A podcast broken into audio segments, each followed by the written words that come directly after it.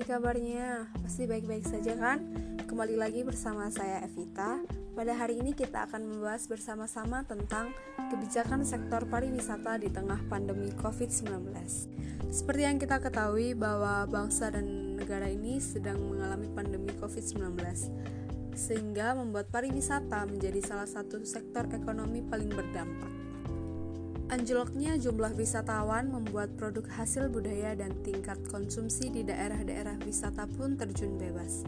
Anggaran kementerian dan lembaga, termasuk bidang pariwisata, pun turun sekitar 50%. Dalam diskusi daring bersama Kementerian Pariwisata dan Ekonomi Kreatif, mengatakan perlu upaya pemulihan pariwisata dengan melakukan sejumlah inovasi dan terobosan baru, terutama dalam hal pemasaran, mencari pasar baru, serta jaminan keamanan dari ancaman COVID-19.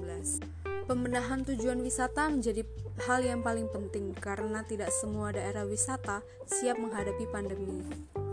Selain Bali, pemerintah sedang menyiapkan lima destinasi super prioritas yang baru, yaitu Borobudur, Danau Toba, Labuan Bajo, Mandalika, dan Likupang sebagai upaya mengangkat sektor pariwisata di tingkat internasional.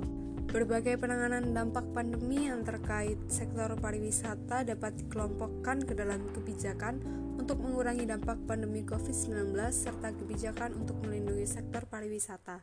Contohnya antara lain pembatasan perjalanan dan kerumunan, bantuan dan stimulus ekonomi, menerapkan protokol kesehatan, serta penerapan wisata aman.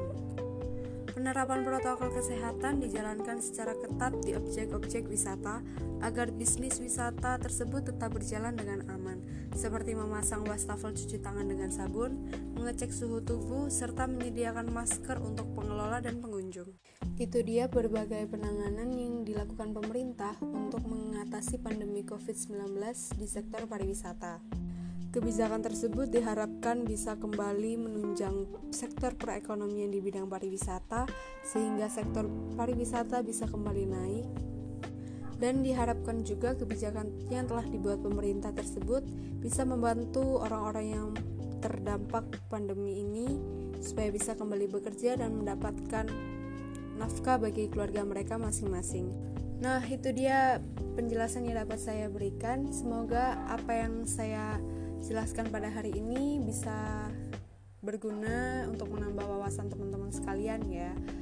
Sekian dari saya, terima kasih. Mohon maaf apabila salah ada salah kata. Sampai jumpa di podcast selanjutnya.